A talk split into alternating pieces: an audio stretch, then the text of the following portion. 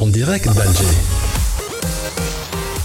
Bonjour, bonjour, en direct d'Alger avec Abdelafir Khanifsa au Centre international des conférences, le CIC, Abdelatif Rahal à Alger, Orido a organisé dans la soirée du 25 septembre 2018 une cérémonie de remise de prix de la 12e édition de Mediastar, un concours qui met en valeur D'après cet opérateur mobile, le meilleur travail journalistique dans le domaine des IT. Il y a cinq grands prix. Presse écrite généraliste et spécialisée, production télévisuelle, production radiophonique, médias électroniques et illustration de presse. Chaque Grand Prix est doté d'un montant d'un million de dinars algériens répartis sur trois lauréats. Le tout est sous le contrôle d'un jury présidé cette année par l'expert financier et l'ancien ministre Abdelrahman Ben Khalfa, ainsi que Ramdan Jazairi, le directeur de communication d'Olidou Algérie. Pour cette année, la cérémonie s'est déroulée en présence du ministre de la Communication, M. Jamal Kawan, du ministre de la Culture, M. Asdin Mouyoubi, du ministre de l'Environnement et des Énergies Renouvelables, Mme Fatma Zohra Zalouati, du représentant d'institutions publiques partenaires, du directeur général de Olidou, M. Abdelatif Hamad dans son message à cette occasion, le DG de Oulidou, M. Abdelatif Hamed Dafallah, a notamment déclaré, je cite, le concours Mediastar, qui récompense depuis 2007 les talents journalistiques algériens, constitue pour Ouridou une occasion de souligner la richesse du paysage médiatique algérien et le potentiel prometteur de la presse algérienne qui est devenu un exemple de professionnalisme et d'engagement. Je remercie tous les participants pour l'intérêt qu'ils portent à Mediastar et qui en font un succès. Je félicite également les, lauréats de cette douzième édition à qui je souhaite d'autres succès à l'avenir. Fin de citation. Cette année, le plus grand à Mustafa Bestami du journal El Khabar. Comme chaque année, Hommage rend hommage aux anciens. Et cette année, un vibrant hommage a été rendu aux journalistes universitaires et défenseurs de la liberté de la presse, Feu Brahim Brahimi, fondateur de l'École nationale supérieure de journalisme et des sciences de l'information,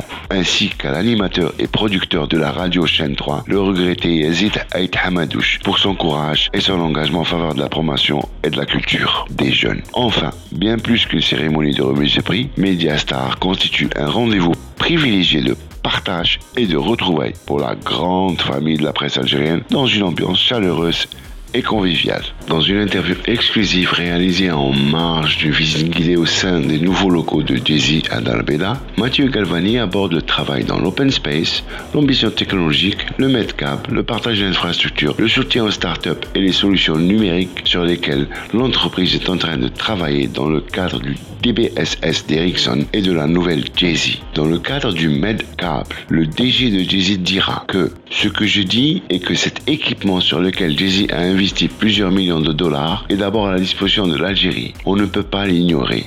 Il peut rendre service. Pourquoi ne pas l'utiliser aujourd'hui? Ce serait bon pour l'Algérie, pour les opérateurs et les consommateurs.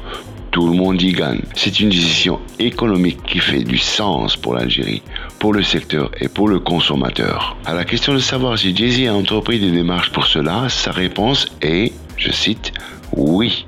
Nous avons entrepris et fait toutes les démarches nécessaires et nous avons déclaré que nous étions ouverts à envisager tous les cas de figure imaginables pour utiliser cette ressource qui dort. Nous sommes prêts à la partager.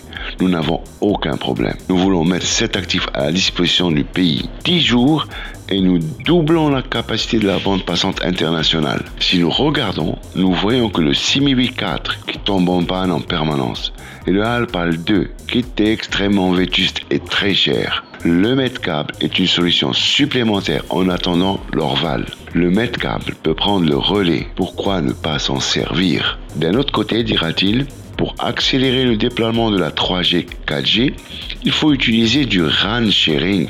Écoutons-le. Le RAN sharing ou le partage d'infrastructures, les opérateurs mobiles ont des obligations de couverture qui sont énormes. Il y a dans ce grand territoire des, des endroits caractérisés par une faible densité humaine ou des routes à faible fréquentation. Au lieu que les trois opérateurs aillent faire le même investissement en devises et payer trois fois le même fournisseur chinois ou européen, n'avons-nous pas intérêt à faire une fois l'investissement et à se partager l'infrastructure active? Je ne parle pas de site ou de réseau. On peut même voir et explorer le roaming national. Le RAN sharing est un futur pour l'Algérie, mais aussi un enjeu stratégique. Fin citation. Il nous dira qu'il y a eu un pilote de run sharing qui a été arrêté précipitamment par l'autorité de régulation, faisant perdre beaucoup d'argent aux opérateurs qui ont dû rapidement mettre en place de nouveaux sites. Merci pour votre écoute, c'est bon pour cette semaine. Pour plus d'informations, vous pouvez aller sur le site itmag.site. À la semaine prochaine. En direct d'Alger.